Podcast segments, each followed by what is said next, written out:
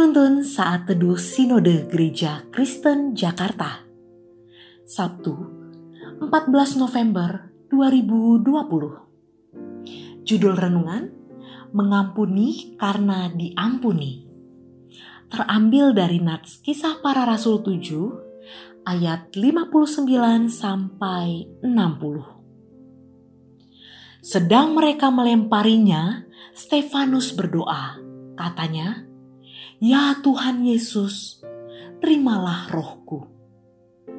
Sambil berlutut, ia berseru dengan suara nyaring. Tuhan, janganlah tanggungkan dosa ini kepada mereka. Dan dengan perkataan itu, meninggallah ia. Stefanus adalah salah seorang dari tujuh diaken pilihan, yang kemudian menjadi seorang pemberita Injil.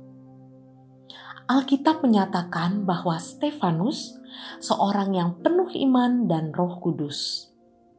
Hal ini dibuktikan dengan keberaniannya menghadapi tantangan hingga meninggal sebagai martir. Kisah kematian Stefanus merupakan kisah martir yang pertama. Yang menarik dari kisah ini adalah ketika Stefanus diambang kematian, ia berdoa kepada Tuhan untuk orang-orang yang menganiayanya. Di dalam doa yang Stefanus serukan, terkandung dua nilai penting. Pertama, penyerahan diri kepada Allah. Stefanus berkata, "Ya Tuhan Yesus, terimalah rohku." Kalimat ini menunjukkan bahwa ia siap untuk menghadapi kematian karena imannya. Sekalipun tubuh jasmaninya hancur karena batu-batu yang dilemparkan kepadanya, ia percaya bahwa rohnya adalah milik Tuhan. Karena itu, dengan penuh iman, Stefanus menyerahkan rohnya kepada Tuhan. Kedua, pengampunan bagi orang-orang yang menganiaya dirinya.